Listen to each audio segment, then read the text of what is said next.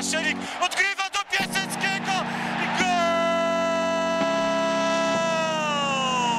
Wtorkowy poranek, 38 odcinek podcastu Tylko Śląsk na stronie śląsk.net.com. Karol Bugajski, dzień dobry. Dziś porozmawiamy o tym, co wydarzyło się w sobotni wieczór na stadionie Wrocław w meczu Śląska z Górnikiem. Mecz zakończył się rezultatem bezbramkowym, ale tematów do rozmowy dziś e, na pewno nie zabraknie. O spotkaniu z Zabrzanami porozmawiamy w redakcyjnym gronie. Moimi gośćmi są Kamil Warzocha Dzień dobry. I Mateusz Stefanik. Dzień dobry. Witam Was panowie. Przypomnę jeszcze, że partnerem głównym redakcji śląsk.net.com jest firma Superbet i już przechodzimy do tego, co oglądaliśmy w sobotę. E, Kilka statystyk na początek. Śląsk po raz drugi z rzędu zachował czyste konto w meczu ligowym. Po raz ostatni taka seria e, zdarzyła mu się na przełomie sezonów 18-19 i 19-20. Wtedy grał na zero z tyłu nawet przez trzy kolejne serie gier. Natomiast zakończyła się e, pasa 14 meczów z rzędu z golem we Wrocławiu. Poprzednio Śląsk nie trafił u siebie 11 miesięcy temu w pamiętnym spotkaniu z Legią przegranym 0 do 3. No i właśnie Kamil, czy, czy ta szklanka po meczu z Górnikiem jest do połowy pełna czy pusta? Czy to był taki mecz, który zaspokoił twój głód oglądania Śląska przed kolejną dwutygodniową przerwą? Nie powiedziałbym, że zaspokoił głód, y, ponieważ y, spodziewałem się po Śląsku zdecydowanie więcej. Tym bardziej, że mówimy o przerwanej serii tych 14 meczów bez, bez strzelnego gola, co było pewnym gwarantem, kiedy przychodziło się na mecz Śląska, teraz y, ogląda się w telewizji, e, to zawsze mieliśmy takie wrażenie, że prędzej czy później Śląsk strzeli tę bramkę i, i będzie albo zwycięstwo, albo remis po, po jakimś wyrównanym meczu, po, po wymianie ciosów drużyną przeciwną. Tego tym, tym razem nie widzieliśmy e, i byłbym jednak skłonny, żeby powiedzieć, e, no, że szklanka jest y, do połowy pełna, ponieważ mamy, jakby Śląsk ma taką ofensywę, no, która powinna dawać więcej. Tym bardziej jest to niezrozumiałe, że tak naprawdę ten kręgosłup ofensywny, e, też środek pomocy, on przecież jest obecnie w pełni zdrowy. Wszyscy, wszyscy piłkarze tacy najważniejsi są dostępni, jedynie jest problem z defensywą. Mm, I, I trudno po prostu to zrozumieć, ale widząc taki mecz, pozostaje tylko powiedzieć, że e, no, niestety na następny mecz Śląska nie będziemy czekać z wypiekami na twarzy.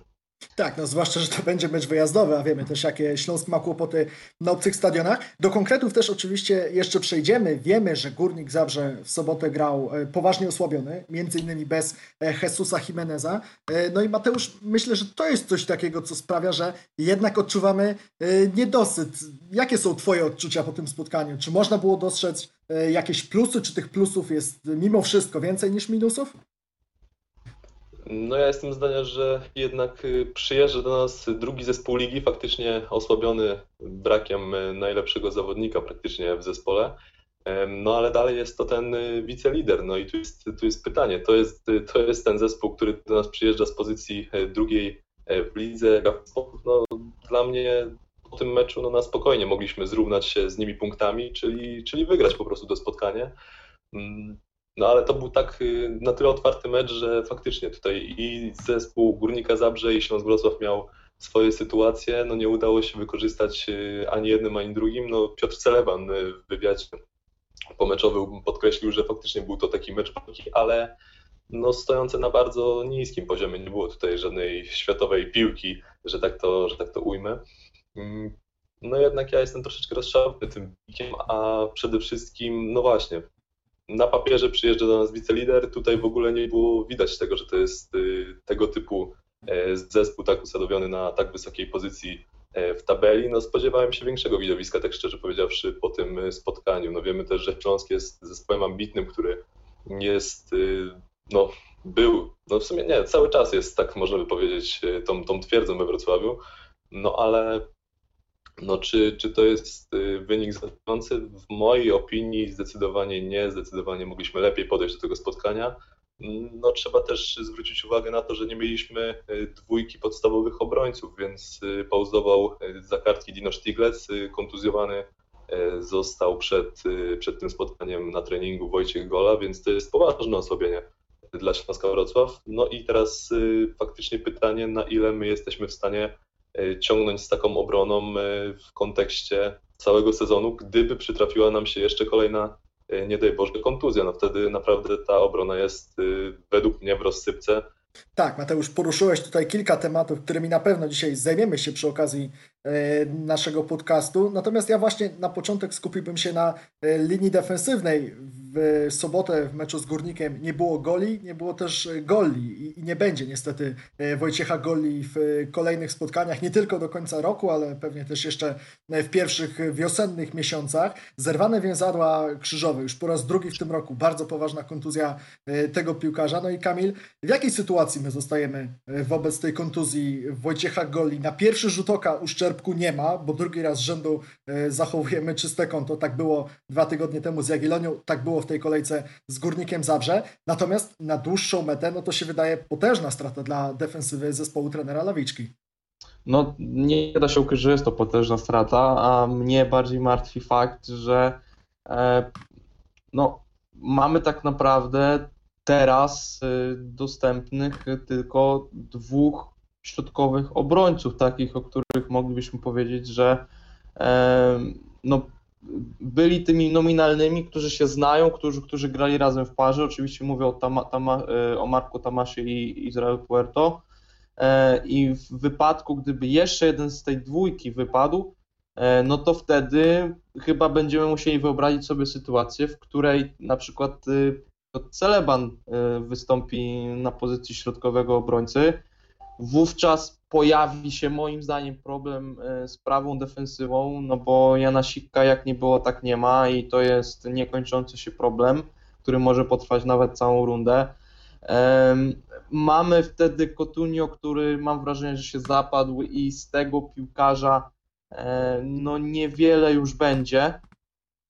I wtedy Lawiczka, trener Lawiczka będzie miał jeszcze większy problem niż miał swego czasu, kiedy, kiedy kilku piłkarzy, ważnych piłkarzy było e, po prostu niedostępnych. E, a jak wiemy, ta defensywa jest czymś, od czego trener Lawiczka zaczyna ustawienie zespołu. Oczywiście można teraz chwalić Śląsk za to, że, że nie traci bramek, e, ale utrata takiego piłkarza, myślę, piłkarza, który jest w, w ostatnim czasie był najpewniejszym punktem defensywy Śląska, będzie znaczące. Chociaż wydaje mi się, że Śląsk obecnie jest w o tyle dobrej sytuacji, że gdy spojrzymy na jego pozycję w tabeli i jego wyniki, one są jakie są, tak? Gdzieś, gdzieś do, lepsze mecze są przepasane gorszymi, ale na pewno nie możemy narzekać na, na obecną pozycję w tabeli Śląska i tak taki całokształt wyników, no bo piąte miejsce w tabeli to jest coś, co myślę, że na ten moment sezonu każdy kibic Śląska przyjąłby z pocałowaniem ręki, ale nie, nie da się ukryć, że e, znowu wypadnięcie Wojciecha Goli może być nawet takim negatywnym skutkiem jeszcze na dalszą przyszłość, kiedy on wróci e, do optymalnej dyspozycji, bo jednak drugie zerwanie więzadła w tym samym kolanie to już może być poważny uszczerbek taki długotrwały na jakości. To prawda, to jest coś, co może pozostawić taki trwały ślad, jeśli chodzi o, o formę, o dyspozycję Wojciecha Golli. E, Mateusz, jak sądzisz, czy my w ogóle powinniśmy się zastanawiać nad tym, jaki powinien być skład linii defensywnej Śląska po tym remisie z Górnikiem Zabrze, po tym jak nasi obrońcy wyglądali w rywalizacji z wiceliderem e, Ekstraklasy, czy na przykład trener Witesta Flawiczka w Gdańsku za dwa tygodnie i może w kolejnych spotkaniach do końca roku przynajmniej, później będzie moment, żeby usiąść, zastanowić się, być może przeprowadzić jakiś transfer, być może trener Lawiczka powinien stawiać właśnie na ten, e, na ten zestaw defensywy, jaki wyszedł w meczu przeciwko Górnikowi. No na tą chwilę trener Lawiczka ma no trudny, trudny, trudne zadanie do wypełnienia, bo właśnie no, brak goli to jest, y, tak jak Kamil wspomniał, no coś, co jest u nas takim strzałem w kolano, że tak to ujmę. Na pewno odczujemy jego brak. Y, no i swoją drogą, to co wcześniej wspomniałem, no gdyby przydarzyła się jakaś kontuzja, no to naprawdę ten y, mur e, obronny zaczyna się sypać, jeśli chodzi o Śląsk. No, troszeczkę zastanawiałem się ostatnimi czasy nad samymi bokami tej obrony. No i tak dochodzę do wniosku, że tak powolutku, powolutku, ale ten Piotr Celeban y, popełnia troszeczkę y, więcej błędów y, z każdym spotkaniem. No, w meczu z Górnikiem miałem wrażenie, że większość spotkania po prostu wybijał, wybijał te piłki na oślep, byle dalej. Te przerzuty, które wykonywał również często nie trafiały do adresatów, były wręcz do nikogo. Takie troszeczkę bezsensowne oddawanie piłek rywalom. No a przecież nie chodzi o to, żeby wybić piłkę do przeciwnika, powiedzmy właśnie, żeby zażegnać niebezpieczeństwo, no ale żeby to niebezpieczeństwo zaraz znowu nawróciło w postaci no po prostu przejęcia piłki i kolejnej kontry, no żeby to tak mm, wyglądało jak takie koło, które się cały czas w ten sposób napędza. Mm, no z drugiej strony wiadomo, w poprzednim sezonie grał chociażby Lubambo Musonda, który dzisiaj prezentuje się wręcz y, idealnie praktycznie na, na swojej stronie na skrzydle, a więc nominalnej pozycji, no i troszeczkę żal byłoby go stamtąd zabierać tak swoją drogą. Pytanie też, y, jak w słabej dyspozycji muszą być inni zawodnicy w Śląsku Wrocław, inni boczni obrońcy, no, że musi grać faktycznie bardzo doświadczony, no ale jednak już dość również wiekowy Mariusz Pawelec chociażby.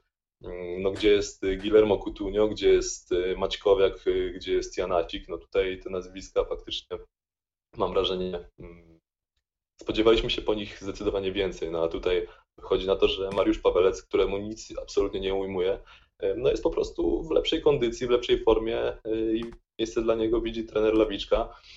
Mm, w tym spotkaniu również y, pokazał swoją jakość, naratował piłkę w locie, wiadomo, tam nabijał rywala, generalnie był aktywny, no ale czasami e, miałem wrażenie, że był troszeczkę w takiej gorącej wodzie kąpany. No, wybiegał zbyt do przodu i tak naprawdę nie nadążał za tymi szybkimi kontrami e, rywali z jego strony. No, to są takie niedociągnięcia, które no, w tym spotkaniu nas e, zbyt wiele nie kosztowały, ale przydarzą się mecze, w których rywal będzie lepiej dysponowany no i wykorzysta takie błędy. Jeśli chodzi o Dino Sztigleca, który będzie już po spotkaniu, no ja bym dalej jednak stawiał na Chorwata, no bo, no bo to jest zawodnik, który faktycznie pasuje lepiej po prostu pod tą piłkę nowoczesną. Mam wrażenie, że mm, ta dwójka Celeban Pawelec troszeczkę została na pewnym etapie takiej starej polskiej piłki, gdzie właśnie nie kalkuluje się, wybija tą y, futbolówkę gdzieś do przodu, no i nie podłącza aż tak y, pod akcje ofensywne. Mówię o tutaj o bardziej kreowaniu tych akcji, tak jak to robił Stiglec, tak jak to na boku obrony robił Musonda, tak jak to robił y, chociażby Łukasz Broś jeszcze, gdy grał w Śląsku.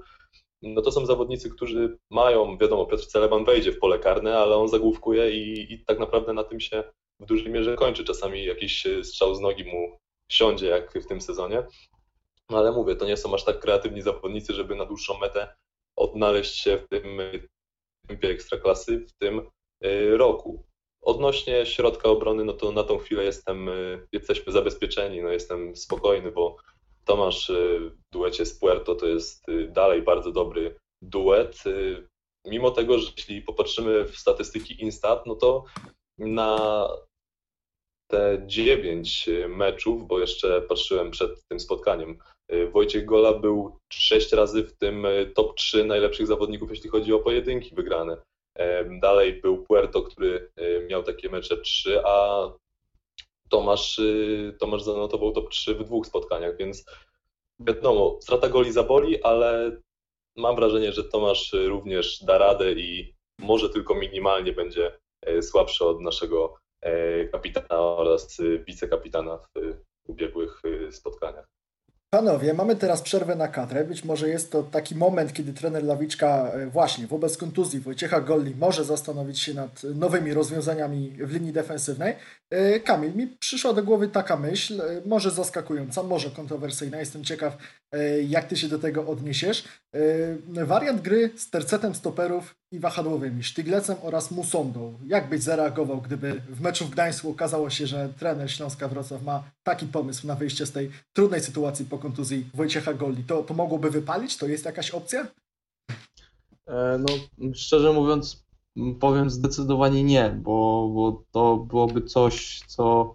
E, no, powiem inaczej. Znamy e, opinie różnych fachowców, którzy mówią jasno, Mm, wyćwiczenie mm, funkcjonowania takiej formacji z trójką środkowych obrońców z wahadłowymi to nie jest kwestia dwóch tygodni, dwóch miesięcy, tylko to jest kwestia no może nawet pół roku, czy nawet więcej w podobnym składzie osobowym i żeby dopracować coś takiego na poziom optymalny, żeby to rzeczywiście miało sens, a, a nie wynikało po prostu z jakiegoś widzimisię czy potrzeby pod, pod kątem jednego spotkania, e, no to trzeba by było naprawdę sporo czasu, tego czasu nie ma i też z tego co, z tego, co pamiętam, no raczej nie słyszałem, żeby, żeby gdzieś na, na, na treningach sztab szkoleniowy jakoś ochoczo podejmował trenowanie takiego wariantu.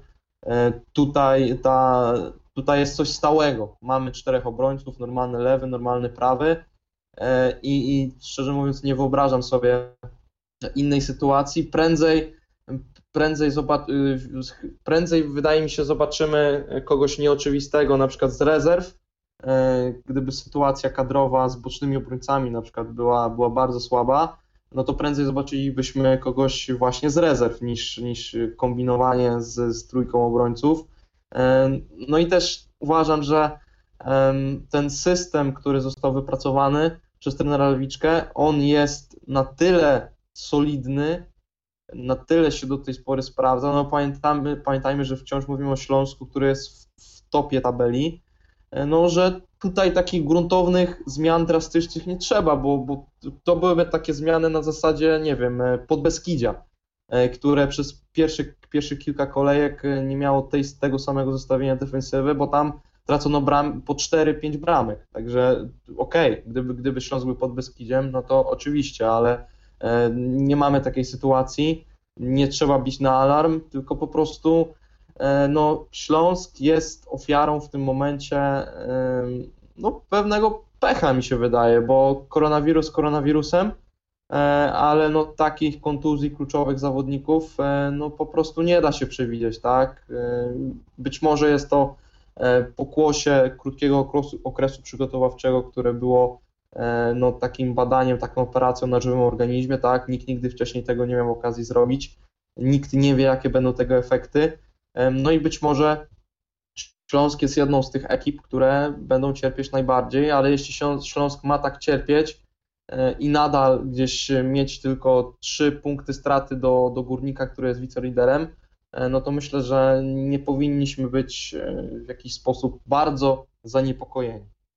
Porozmawialiśmy sobie o defensywie, jak ona wyglądała w meczu e, z Górnikiem Zabrze. Czyste konto po raz drugi z rzędu to jest na pewno coś, e, co warto zapamiętać. Czy warto zapamiętać również jubileusz Roberta Picha, jego dwusetny mecz e, w Ekstraklasie w sobotę? Natomiast to z jednej strony był jubileusz bez kropki na D, jubileusz, którego nie udało się uczcić Słowakowi. Paradoksalnie mógł zostać bohaterem. Mówię paradoksalnie, bo on zanotował najniższy wynik w raporcie Instat to cały czas nie jest Robert Pich w takiej formie, e, w jakiej pamiętamy go choćby z tych e, wiosennych występów po e, wznowieniu rozgrywek po pandemicznej przerwie. Natomiast właśnie dostał w samej końcówce świetne podanie w pole karne od Bartłomieja Pawłowskiego. Nie wykorzystał tej sytuacji, tak jakby zabrakło mu zdecydowania, pójścia do końca i, i nie postawił tej, tej kropki na D, o której wspomniałem, nie zapewnił Śląskowi kompletu punktów.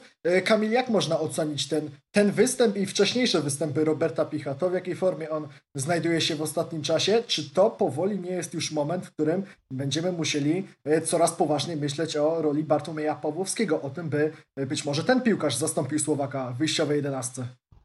No nie, myślę, że gdyby e, myśl zastąpienia Roberta Picha Bartłomiejem Pawłowskim byłby obecnie sabotażem, bo nie wydaje mi się, żeby to była dobra opcja.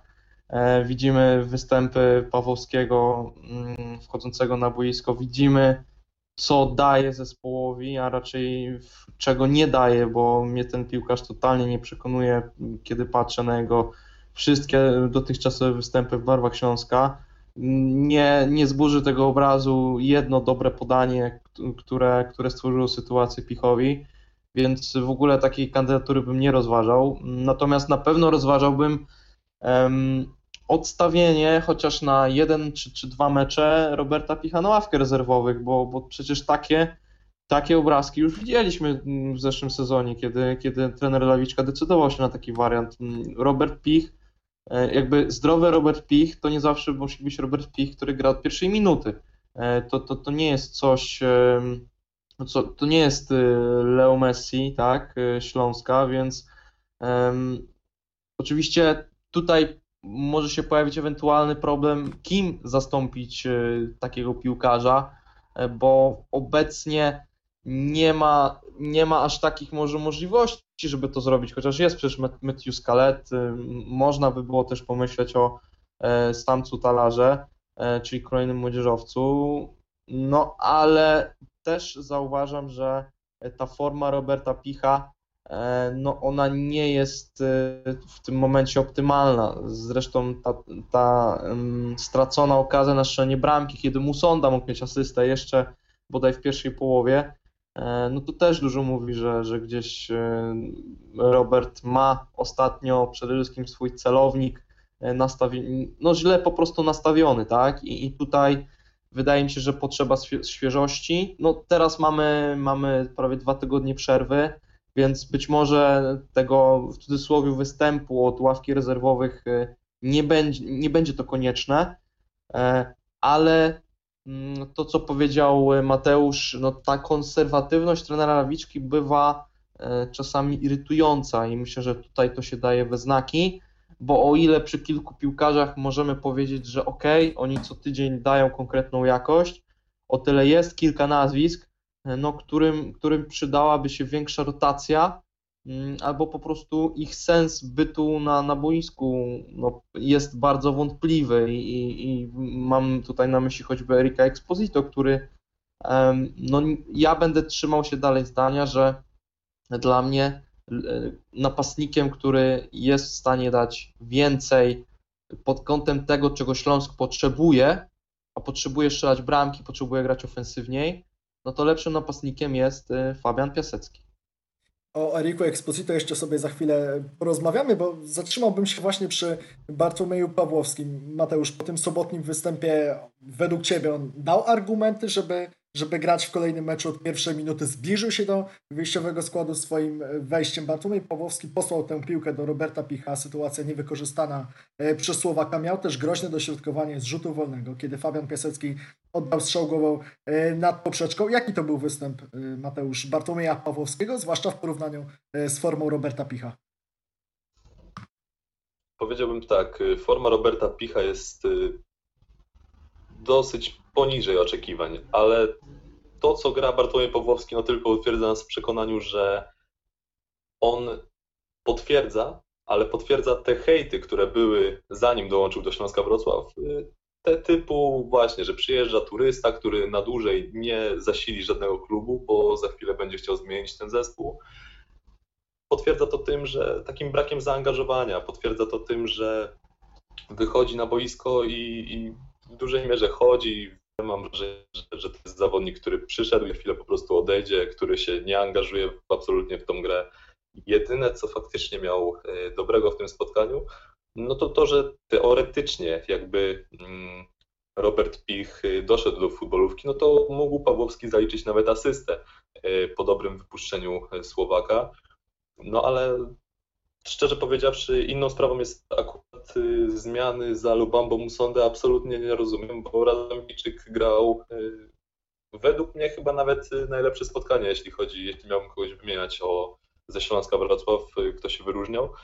No a Pawłowski, mam wrażenie, że to jest taki troszeczkę jeździec bez głowy. No, on, jego jedynym atutem tak naprawdę poważnym jest, jest ta szybkość, ta dynamika.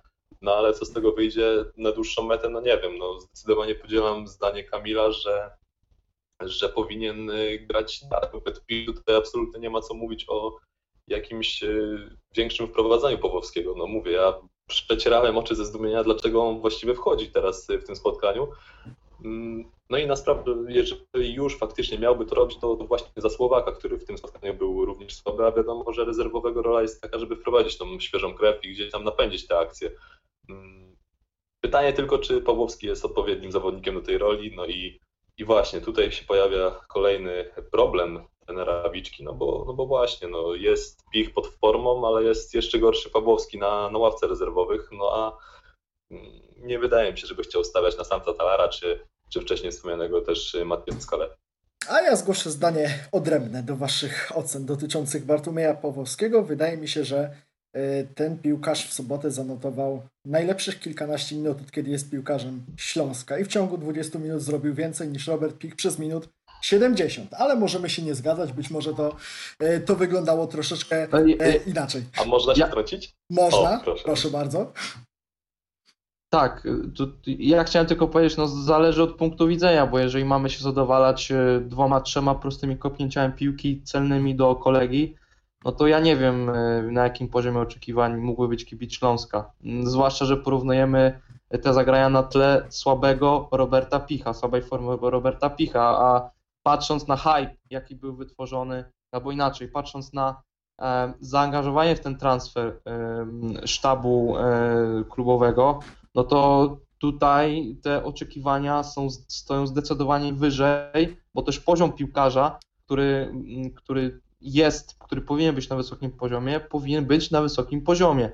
A to nie, to nie jest, e, to nie jest, e, nie wiem, e, Piotr Krawczyk z Górnika Zabrze, tak, 25-letni, który, który no to, to, to nie jest jakiś niesamowity poziom, tylko to jest Bartłomiej Pawłowski, który był ściągany do Śląska jako nominalny skrzydłowy, a nie rezerwowy, który wchodzi na 15 minut i pogry- zagrywa dwa, trzy proste podania celne, tak? Więc y, wydaje mi się, że rozmijamy się w oczekiwaniach, które powinny być zdecydowanie wyż- wyższe i to są oczekiwania przytomne, a nie jakieś wygórowane. Także to, to bym chciał zaznaczyć. Y, tak, jeszcze jak mogę, też bym chciał skontrolować jeszcze swoje argumenty. Y, no właśnie, tak jak Kamil wspomniał, gdybyśmy mieli porównać chociażby mu sądę do Pawłowskiego, no to naprawdę tutaj nie ma co, no tak naprawdę no nie ma co porównywać. No, Musonda zrobił genialny postęp w tym sezonie i tak naprawdę, no właśnie, porównując go do Picha, no teraz w tej sytuacji no nie ma, nie ma, nie ma to aż tak właśnie wygórowanych jakichś ambicji E, jeśli, jeśli będziemy go porównywać do Picha bez formy. Porównajmy go do Picha z formy. No ale właśnie, to jest to, co chciałbym jeszcze pociągnąć troszkę, bo Pawłowski, tak jak wspomniał Kamil, no zanotował tam parę celnych podań do kolegi, no ale mam wrażenie, że jednak yy, dla mnie, Karol, troszeczkę, troszeczkę się mylisz, troszeczkę mamy inne zdania, bo faktycznie Pich jednak yy, potrafił się odnaleźć w tych sytuacjach, yy, nie chcę mówić podbramkowych, bo to troszeczkę na wyrost, ale w tych sytuacjach boiskowych, no gdyby Pich nie skiksował, gdyby Pich opanował, gdyby Pich dał do piłki, tak możemy zaczynać te wszystkie zdania. On się po prostu pojawiał, on y, był cały czas na językach komentatorów. Fakt jest taki, że nie przynosił skuteczności, ale cały czas był, potrafił się tam odnaleźć, no i w końcu mam wrażenie, że mógłby y, w którymś spotkaniu ukąsić. No a taki zawodnik jak Pawłowski, no coś tam może podać, ale mam wrażenie, że takiej jakości jak Robert Pich, nawet bez formy, mimo wszystko troszeczkę mu do tego brakuje. Będę apelował o czas dla Bartłomieja Pawłowskiego. Bądźmy cierpliwi, zobaczymy, co ten piłkarz jeszcze będzie mógł zaprezentować. To, w czym na pewno się zgodzimy, to, że Lubambo Musonda zszedł w 70 minucie właśnie w jego miejsce pojawił się Pawłowski. To było nieporozumienie, to była zupełna niespodzianka i, i na pewno Zambijczyk zasłużył na e, dogranie tego meczu do końca. Tak jak Robert Pich pozostał na boisku, to na pewno Musonda wyglądał od niego lepiej w tym e, sobotnim spotkaniu. Dużo emocji wzbudziła osoba Bartłomieja Pawłowskiego, a ja chciałem porozmawiać jeszcze o Erico Exposito, który też już nam się tutaj przewija w dzisiejszej dyskusji. Wiemy, że to jest piłkarz, o którym mówimy praktycznie w każdym podcaście, mówimy różnie, najczęściej krytycznie. No i po tym spotkaniu sobotnim Kamil znowu nie ma y, jakichś laurek pod adresem y, Hiszpana. Wiemy, że Śląsk według pierwotnego terminarza miał grać w tę sobotę w Gdańsku, no i Erik chyba sobie nie zaktualizował tego kalendarza, pokazał swoją wyjazdową twarz w meczu domowym. Trener Lawiczka zdjąłby go pewnie po godzinie gry, gdyby nie jego dobre wejście, jego kilka udanych zagrań w pierwszym kwadransie drugiej połowy. On sobie kupił czas, dograł do 75 minuty. Natomiast no, Erik znowu nie przekonał. Erik znowu nie dał e, czegoś takiego, co e, mogłoby mu pozwolić liczyć na wyjściową jedenastkę e, przed meczem w Gdańsku. Tak, i myślę, że ten występ Erika Exposito jest idealnym przykładem na to, jak statystyki mogą zakłamać pewien obraz występu danego zawodnika, bo kiedy spojrzymy sobie mm, w wartości statystyczne przygotowane przez Instata, no to mamy tak naprawdę Hiszpana mającego pozycję lidera w trzech typach statystyk, jeśli mamy, jeśli mówimy o tych top 3, tak? Czyli podania kluczowe, pojedynki i driblingi. No tylko mm, to jest y, w ogóle niewspółmierne do tego, czego oczekujemy od y, napastnika. Oczywiście zawsze pojawi się ten argument, że napastnik zżyje z podań swoich kolegów.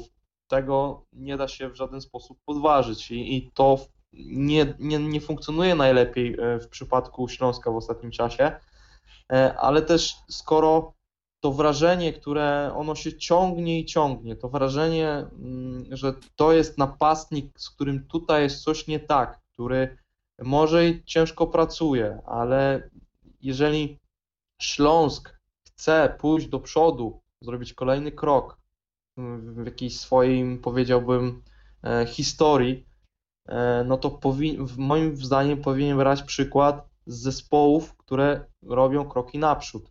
E, a, a mam tutaj na myśli zespoły, które mają bramkostrzelnych napastników, które napastników, którzy oprócz pracy dla zespołu, oprócz tej, tego czynnika zespołowości, oni potrafią dawać wymierną jakość. Gdy, wydaje mi się, że gdybyśmy wymienili sobie Hiszpanów, e, gdyby w, Śląsku e, grał Jesus Imas z Jagiellonii, e, no to wydaje mi się, że, że czy sztab, e, czy, czy kibice Śląska wzięliby taką wymianę z pocałowaniem ręki, bo, bo to byłby piłkarz, który ma większy pakiet, mam wrażenie, możliwości w porównaniu do Exposito.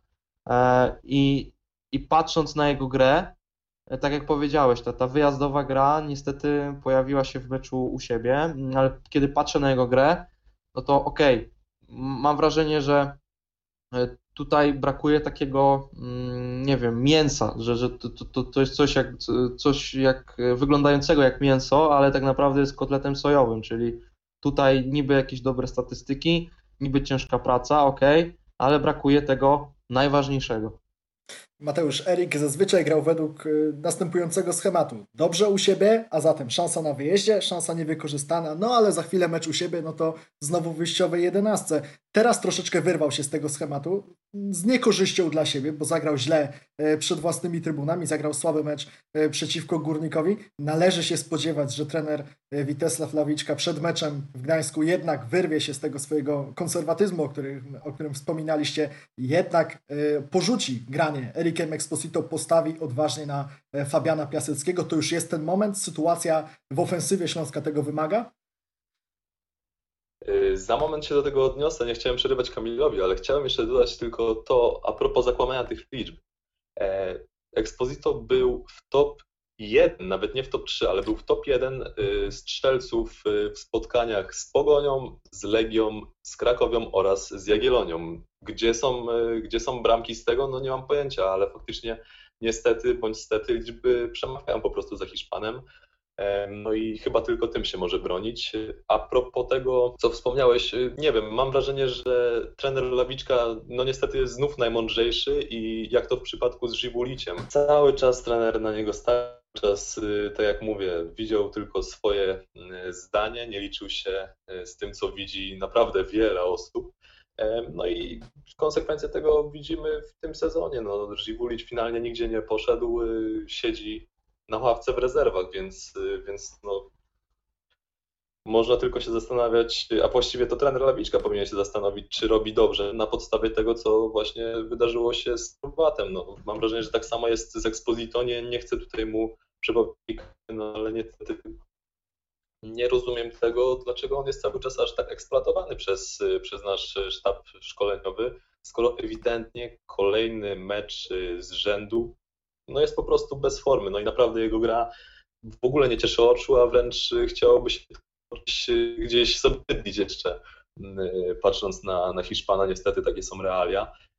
Mm, cóż można powiedzieć, no, czy powinien y, stawiać na Fabiana Piaseckiego? Zdecydowanie tak. Czy to zrobi? Mm, no tutaj naprawdę chciałbym bardzo, ale boję się, że jednak ten właśnie konserwatyzm trenera Lawiczki jest zbyt duży i to jego ego, żeby teraz y, zacząć y, stawiać na Fabiana Piaseckiego. On, mam wrażenie, chce pokazać też to, że ludzie się mylą, nie on.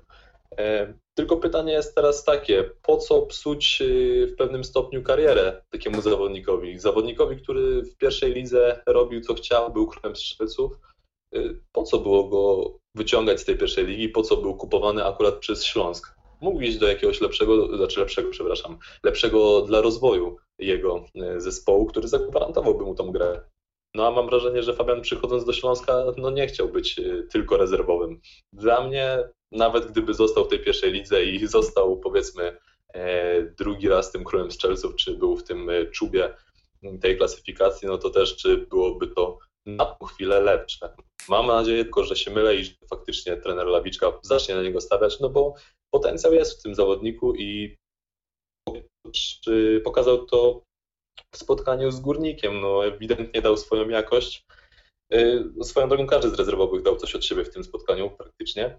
No ale Piasecki mógł nawet być bohaterem tego spotkania, gdyby w tej 90 minucie, w tych ostatnich minutach spotkania skierował głową piłkę do siatki, a nie gdzieś, gdzieś tam obok. Mam wrażenie, że czas Exposito powinien już y, dawno temu y, gdzieś tam się skończyć, no ale, ale dawano mu te szanse na jednak udowodnienie swojej jakości. Dziś po tym spotkaniu ja mam wrażenie, że no za dużo jest tych szans i faktycznie czas, czas wyjść poza tą strefę komfortu trenera Lawiczki i po prostu postawić na kogoś innego. No, skoro sprawdzeni zawodnicy przez niego nie dają y, takiej jakości, no to dlaczego nie, nie postawić na rezerwowego zawodnika? No? Panowie, powoli będziemy zmierzać do końca naszego dzisiejszego e, podcastu, natomiast na sam koniec jeszcze krótko chciałbym Was zapytać o słowa trenera Witesława Lawiczki, które on wygłosił na pomeczowej konferencji właśnie w kontekście e, obsady formacji ofensywnej. Trener Lawiczka został zapytany o grę dwójką napastników i powiedział, że to jest możliwe, by zagrać dwójką napastników, ale według niego Śląsk tak naprawdę gra trójką, klasyczną dziewiątką w środku i dwoma skrzydłowymi napastnikami po bokach. E, Kamil, jak Ty to postrzegasz? Jak można rozumieć takie słowa trenera Lawiczki? Widać to w grze Śląska Wrocław? Trójka napastników? E, mm, no tutaj trzeba się zastanowić nad definicją słowa napastnik, e, bo, bo kiedy mm, taki przeciętny niedzielny kibic słyszy to słowo, no to oczywiście ma jego wyobrażenie zmierza ku takim piłkarzom jak na przykład Robert Lewandowski, tak, Luis Suarez, mm, ale trzeba pamiętać o tym, że, że napastnik to też może być boczny napastnik, po prostu mm, piłkarz grający bardzo wysoko, tyle że nie w centralnej części boiska. I rzeczywiście e, czasami mam takie wrażenie, że e, kiedy na przykład Śląsk wychodzi do kontry, e, no to w, na przykładzie Musondy to bardzo widać, że, że rzeczywiście Musonda jest wtedy na linii E, z dziewiątką, a nawet czasami nawet wyżej niż dziewiątka. No, Robert Pich też podobnie. Oczywiście to wynika z faktu, że albo inaczej. Ci piłkarze ofensywni po bokach, oni rzeczywiście, e, ja bym się tutaj zgodził z trenerem Lawiczką, że rzeczywiście da się to zauważyć i też dlatego te zmiany tych skrzydłowych w, w, w końcówce meczu biorą się właśnie z faktu, że oni mają więcej przestrzeni do wybiegania niż taki pomocnik y, boczny, który no tak do przodu się nie zapędza. Bo już wiele razy przecież trener Rawiczka mówił, że jakaś zmiana skrzydłowego, mimo że grał dobrze, wynikała z tego, że był już po prostu zmęczony. E, I to są rzeczywiście tacy prawie że boczni napastnicy, którzy po stracie piłki no, muszą zaraz wracać, żeby pomóc, pomóc e, bocznego obrońcę, a widzimy ostatnio, że nie zawsze tak jest, że ci boczni pomocnicy nie wspierają już tak mocno, jak widzieliśmy to na przykład w zeszłym sezonie, że oni nie wspierają już tak mocno bocznych obrońców i oni zostają sami. To na przykład było widoczne, na, mm, to było e, widać na przykładzie Mm, no Mariusza Pawelca na przykład, e, że Górnik wykorzystywał ten, tę kwestię, tak, że na przykład Robert Pich tak się do defensywy nie wracał, bo zostawał bardziej z przodu. E, więc tak, zgodziłbym się niejako, że tutaj jest taka zarysowana, można powiedzieć, mapa, że rzeczywiście e, tutaj pewni piłkarze grają bardzo wysoko, na przykład Musonda i Pich, no ale myślę, że, że tak czy siak nie ma takiej opcji, żeby Śląsk grał takimi dwoma klasycznymi napastnikami, bo wtedy no, nie zgadzałoby się to z filozofią trenera Rawiczki, który potrzebuje mieć no, tych powiedzmy trzech piłkarzy w środku pola. Mateusz, ostatnie Ale zdanie jeszcze- dzisiaj dla Ciebie. Tak, proszę, co sądzisz? Czy, czy Śląsk faktycznie gra ustawieniem 4-3-3, czy może czas zagrać takim jednym solidnym napastnikiem, na którego mocno, mocno postawi trener Lawiczka? Ja chciałbym tylko na szybko jeszcze porównać y, sam mecz Górnika i to zwróćmy uwagę, gdzie się znajdował y, często Erik Exposito w tym meczu. Y, On mógł zagrywać w pewnym momencie do jednego z dwójki wybiegających na sam na sam partnerów y, za plecy obrońców. Y, No, do tego obrońcy, więc to już tak klasyk bym powiedział. Ale w takiej sytuacji takiego troszeczkę reagującego, mm, cofniętego zawodnika, również miał ładne dośrodkowanie z prawej strony skrzydła lewą nogą. Tam mogła być nawet asysta, no ale Praczelik oddał niecelny strzał głową. Dobrze obsługiwał Roberta Picha, więc ja się zaczynam zastanawiać faktycznie, y, jaka jest rola Erika Exposito w tym Śląsku, no bo to jest zawodnik y, w teorii napastnik, ale w praktyce no widzimy, no zawodnik, który gdzieś tam bardzo się cofa, y, podaje, roz- rozgrywa praktycznie te, te futbolówki, mm, rozdaje. A, no i pytanie, w jakiej roli go w ogóle widzi trener Lawiczka? No ja mam wrażenie, że, że taka rola nie jest jednak dla niego. No to jest zawodnik, który no nie ma tej dynamiki aż takiej, żeby, żeby zwojować środek pola. No, ewentualnie gdzieś na pozycji jakiejś fałszywej dziewiątki, gdzieś tak cofniętej, no to, to tak. Pytanie wtedy, czy byłoby miejsce również dla Fabiana Piaseckiego, czy, czy właśnie ta formacja z, z tak zwanymi napastnikami. No i i też pytanie, na ile to się, y, to się sprawdzi. No jak widzimy, tak jak wcześniej wspomniałem, Musonda jest w stanie grać na tej pozycji, coraz częściej schodzi do środka. Robert Pix już nas do tego przyzwyczaił, więc nawet to na, na nas nie robi największego wrażenia, najmniejszego, przepraszam. Y, No jestem ciekaw, jestem ciekaw, co, co wymyśli ten Lawiczka, no bo ten Erik Exposito, no mówię, dużo miesza y, z małej, z, z dużej chmury mały deszcz, no ale to nas przyzwyczaił do tego. Może właśnie bardziej zadania takie yy, zawodnik od podań, może tak go teraz widzi trener Lawiczka.